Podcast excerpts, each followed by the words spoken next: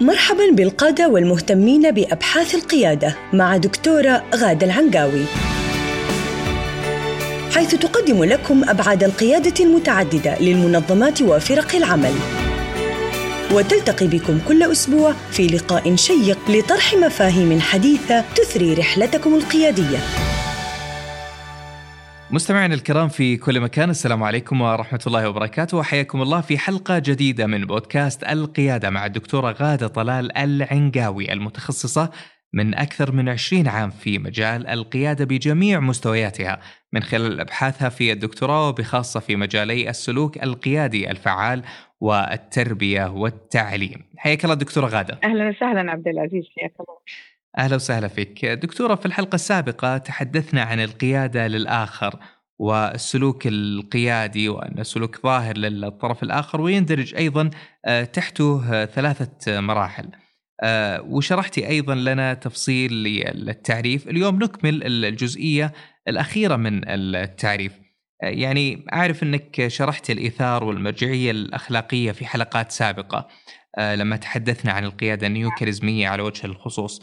ولكن بودي دكتورة لو تبحري ولو شيء قليل يعني في أهمية هذا الجزء من تعريف القيادة للآخر ودورة نعم. نربط آه، الجانبين مع بعض. جميل آه، زي آه، يعني أي قيادة في جميع مستوياتها القيادة النيوكاريزمية في مستوى القيادة للآخر تتضمن ما يسمى بالإيثار والمرجعية الأخلاقية. الإيثار هو مبدأ وقانون اجتماعي يضع حد للأنانية والذاتية المنتشرة في كثير من العلاقات الإنسانية بين الأفراد في الثقافة الأنجلو ساكسونية والمجتمعات النوردية شمال أوروبا التي تنص على أن للفرد حق التعبير والتميز والتفوق فوق أي حق آخر وإن كان ذلك على حساب المجموعة والمصلحة العامة. تحاول هذه المجتمعات إنها تعطي الفرد آه، يعني آه، وضعه ومكانته ويظهر ذلك آه، بشكل ضمني وبشكل علني خاصة عندما يتجاوز الأفراد الأدب. يقول لك من حقه أنه يعبر عن نفسه أو يتهم الأفراد المنظمات بأنها خاصة يعني تظهر لما يصير في اتهام للديانات أو استهزاء بها. يقول لك هذا رأيه الشخصي إحنا نتركه ويعبر عن نفسه. لكن المشكلة آه إنه هذه المجتمعات آه يعني لا تحكمها الأخلاقيات العامة بشكل كبير. آه، يحاول أفرادها أنهم ينادوا بالأخلاقيات لكن بسبب إطلاق الحرية للأفراد آه، يعني عجزوا أنهم يضعوا نوع من الحدود. والضوابط آه، اللي تسمح للمجتمع أن يكون مجتمع صحي. ولذلك أنا شخصيا آه، ما أبغى بنتي مثلا وإحنا ماشيين في الشارع تسمع شخص يسب الآخر. لأنه يعني أنا أشعر بأنه هذا يعني آه، مثال تربوي يعني ما هو ما هو لائق في سنها. وخاصة إذا كانت السبات تتضمن يعني أشياء غير لائقة وعلاقات وكذا. فأنا يعني هذا يحرجني. فأنا يقول لك لا من حقه هذه مشكلته هو ما هي مشكلتك انت؟ انت تعلمي بنتك إن هي ما تسمع كيف أنا أعلم بنتي ما تسمع؟ ولذلك يعني هنا في إشكاليات كثيرة في المجتمعات الغربية الانجلو ساكسونيه اللي هي شمال أوروبا والامريكا الشمالية وكندا هذه المجتمعات يسموها الساكس الانجلو ساكسونيه لأن هم ثقافة انجلو ساكسونيه ومجتمعات نوردية Nordic. آه، هنا يعني بعض هذه المجتمعات وضعت ضوابط واستطاعت إن هي تضع آه، نوع من آه، يعني ضوابط لها لأنه هذه المجتمعات أيضا تنادي بحرية الديانات والمشكلة في حرية الديانات ما في مشكلة في ذلك المشكلة انه تأتي ديانة من لا نعرفها ولا نسمع بها ويقول لك إحنا يعني من حق الفرد إنه هو يفعل ما يريد حتى لو يمشي عاري في الشارع. فهي نيجي للمصلحة العامة فين راحت والأخلاقيات؟ ولا زالت المجتمعات هذه في ديبيت في تحديات خاصة بها بين أفرادها في هذا الموضوع. المجتمعات اللي في آه، الشرق الأوسط وجنوب آسيا وشرق آسيا وأمريكا اللاتينية وأفريقيا آه، في أكثر مجتمعاتها آه، تتسم بالاجتماع بأهمية المجتمع وأهمية التعاون يسموها مجتمعات تعاونية. مجتمعات يغلب عليها ثقافة الجماعة أو ثقافة المجموعة. وثقافة المجموعة تقضي بأنه للفرد حرية ولكن في مصلحة المجموعة. طبعا أنا لا أستطيع أن أحكم آه، أيهما أفضل لأنه كمان الثقافات الجماعية آه، يعني الإكستريم أو المتطرفة تقضي على آه، قرارات الفرد اللي هي في مصلحته. فتجد في هذه المجتمعات مثلا إذا فيه شخص اختار أن يتزوج من خارج قبيلته تعترض القبيلة كلها وتمنع هذا الزواج مع أنه ما في هذا الزواج مشكلة هو يعني زواج مجرد اثنين يعني اجتمعوا على أنهم يكونوا أسرة يعني لا لا دين لا في الأديان ولا في الثقافات العامة ولا في الأخلاقيات في شيء غلط في هذا الشيء. لكن عندما تتغلب ثقافة الجماعة على مصلحة الفرد كمان هنا يحدث خلل. و يعني النموذج الدين الإسلامي الذي يدعو إلى الحرية الفردية في مصلحة الجماعة وفي ويقاوم طغيان الجماعة على الفرد مهمة جدا. العالم كله في صراع حول هذا الموضوع. الأخلاقيات العامة آه، التي اتفق عليها العالم. أنه الإنسان الأناني الإيغويستيك آه، الذي لا يراعي مصلحة المجموعة لا يستطيع أن يتميز ويتفوق في قيادته ولا في حياته لأنه سيحدث خلل في التوازن. هذه هذه اتفاقيات موجودة في الأبحاث وفي كتب الأخلاق وفي كل الديانات وفي كل الثقافات لكنها ليست قانون دولي. عرفت كيف؟ يعني يحاول تحاول القوانين الدولية أن أن تصل إلى معادلة آه، لكن إلى الآن زي ما قلت الديبيت أو التحدي موجود. نيجي لموضوع نعم. الإيثار. أيوه تفضل. معلش أنا لا اي تفضلي. لا لا لا بالله يتكلم. تفضل. طيب آه، في الحقيقة دكتورة يعني جميل حديثك في هذا الموضوع وهو حديث شجون الحديث حول الثقافات ونظرتها للتميز والتفوق الإنساني. كنت ستذكرين آه، قضية الإيثار فتفضلي. أنا أبغى أرجع للإيثار وأهميته كخلق. لأنه مو بس خلق هو اتجاه داخلي. يعني في شخصين شخص عنده إيثار على نفسه وشخص عنده نفسه قبل الآخر ولا يستطيع الإيثار. هذا آه، في نعم. في علم الأبحاث القيادية أو القيادة الأخلاقية يسمى التوريزم وايجويزم الالتوريزم عكس الايجويزم يعني هذه لازم تتضح إن هي ما هي يقول لك يعني الآن أنا أنا أقدر أرجع وأجيب نص من القرآن يؤثرون على أنفسهم ولو كان بهم خصاصة لكن أنا آه، مرجعيتي صحيح القرآن عشان بس أنا أتكلم بلغة عالمية. أنا اكتشفت الشيء ده في أبحاثي موجود وعليه آه، مقالات علمية ومثبتة وهو موضوع تم بحثه مو بس الآن هو موضوع أفلاطون وموضوع أشياء يعني ناس قبلنا فلاسفة يعني تكلموا في هذا الموضوع وأبحاث وباحثين. ليش في ناس تستطيع أن هي تؤثر واتجاهها هو منفعة المجموعة وليش في ناس آه، يعني نفسي نفسي؟ وهذه المجتمعات الإيثار ربما والاستئثار. آه الإيثار والاستئثار. شكرا. نعم, نعم نعم. جميل. أنت دائما تضيف آه، يعني مفاهيم جديدة وكلمات مكملة. أشكرك والله. آه، إذا أنا مجرد صدى لصوتك بشكل مختلف وبعبارات أخرى يعني سأقتبسها من هذه اللحظة الإيثار والاستئثار. مرة شكرا.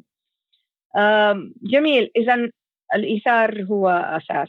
نيجي لمجموعة لموضوع المرجعية الأخلاقية. لا يكفي الإيثار كاتجاه داخلي آه، أو أو orientation. آه، نحتاج كمان المرجعية الأخلاقية. واللي هي أساس في كل المجتمعات وفي كل الأديان حتى التي لا تؤمن بوجود إله البوذية والهندوسية كلها تقر بوجود أخلاقيات معينة مهمة حتى تنتظم العلاقات الإنسانية في أي مجتمع. والرسول صلى الله عليه وسلم يقول إنما بعثت لأتمم مكارم الأخلاق فمكارم الأخلاق موجودة ولكن لابد من إتمامها وإكمالها حتى يكون الإنسان قائد آه، حقا وحقيقي جميل عجبني في الحقيقة دكتورة شرحك حول الثقافات وربطها بموضوع الإيثار والاستئثار والمفهوم في هذا الجانب وإن شاء الله نتطرق له أيضا بشكل نعم. موسع في الحلقات القادمة لأنه في الحقيقة موضوع يلامس يعني المستمعين فيما أعتقد.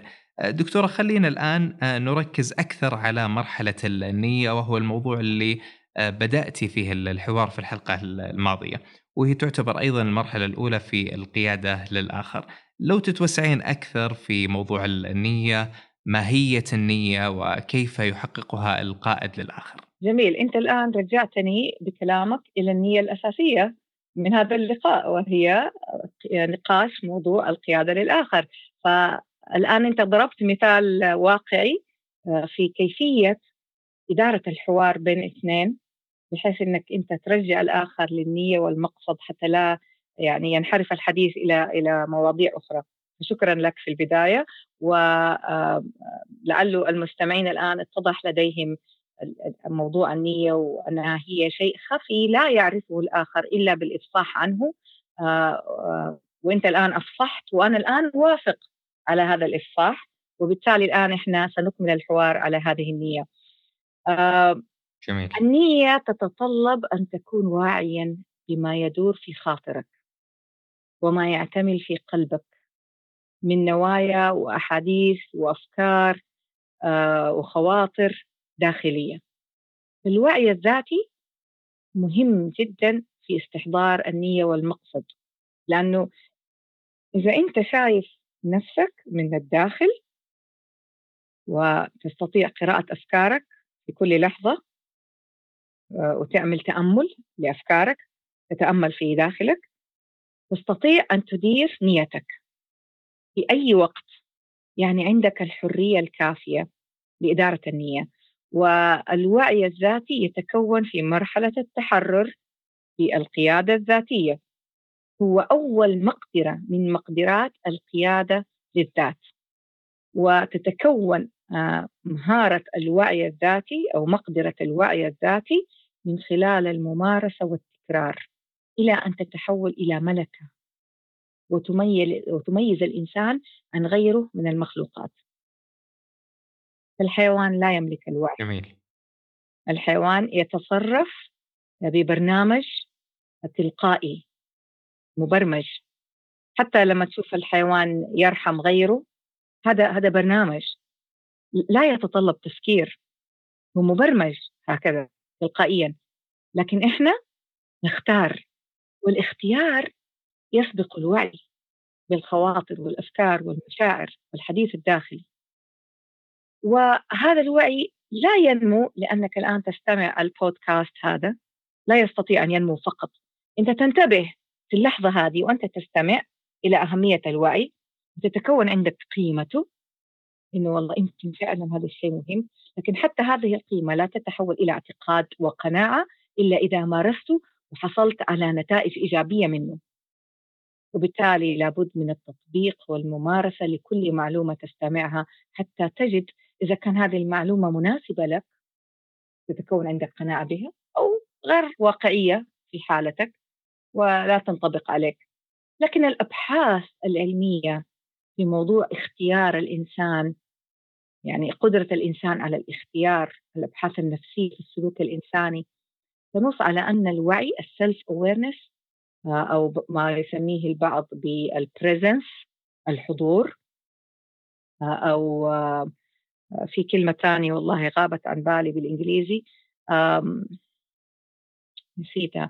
المهم هذه الألفاظ كلها تدل على أنه هناك أو الأبحاث كلها تقودنا إلى أن الوعي القدرة على أن تعي بأفكارك هي جزء من الاختيار.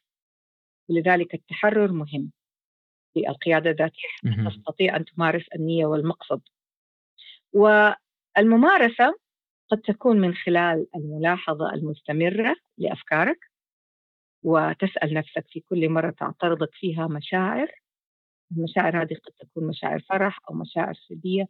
لماذا أنا أشعر بما أشعر به الآن؟ وخاصة إذا كنت تتواصل مع شخص آخر.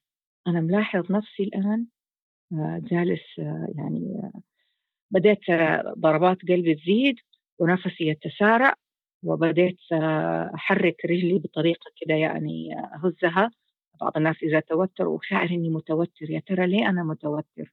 ماذا يدور بخاطري في هذه اللحظة؟ تأخذ كده تنسحب من الحوار دقيقة نص دقيقة ثواني. أنت ومقدراتك. في ناس يأخذوا وقت أطول حتى يقدروا يعملوا تأمل حول ما يدور في خواطرهم. في ناس لازم ينسحبوا يتوضوا ويصلوا وبعدين يرجعوا. في الأثناء هذه كلها يتم عملية التأمل في الداخل. لماذا أفعل ما أفعل؟ وفي واحد يقول لك لا أنا أروح أجري أو أمشي أخذ لي كده يعني مشوار كده اسوق بالسيارة حتى يصفى ذهني حتى أستطيع أن أعود. آه، أحيانا في الاجتماعات في العمل إذا وجد القائد آه، أحد المشاركين أو كلهم في حالة توتر والنقاش أصبح حار وما بيوصلوا لنتيجة يقول إيش رايكم ناخذ بريك ناخذ فسحة؟ نرجع بعد عشر دقائق ويتركهم يروحوا ويرجعوا. بنفس جديد وبنية جديدة ويذكرهم بالنية عشان يخوضوا في الحوار مرة ثانية بطريقة مختلفة. فالإنسان ينسحب حتى يستطيع أن يرجع آه، وهو كامل الوعي مرة أخرى لأن المشاعر إذا دخلت آه، تضع آه، نوع من الضبابية على الوعي. ضبابية أحيانا تكون كاملة أو جزئية. وتجد نفسك تصارع في داخلك ما بين الشعور وما بين المنطق. تحتاج أن تصفي المشاعر تتخلص منها. ما تتخلص منها بتقول أنا خلاص ما حكون زعلان. لا ما يصلح كده. لأن تعترف بها وهذا حديث آخر برضو في موضوع ذكاء المشاعر. إن شاء الله يعني نتطرق له فيما بعد. لكن الخلاصة خلاصة الكلام. أن استحضار النية يتطلب الوعي الكامل بها في لحظة حدوثها أو عدم حدوثها. والوعي يتطلب التحرر والمقدرة على الملاحظة لما يدور بداخلك. أنت توجه أفكارك وتوجه مشاعرك وتوجه نيتك. جميل. طيب دكتورة يعني بالمثال يتضح المقال يا ليت تعطين بعض الأمثلة أو تضربين لنا مثال على المقاصد المختلفة. جميل. مقصدي الحالي من الموقف الذي أعيشه معك الآن في هذا البودكاست أن ينتفع المستمعون وتنتفع أنت أيضا.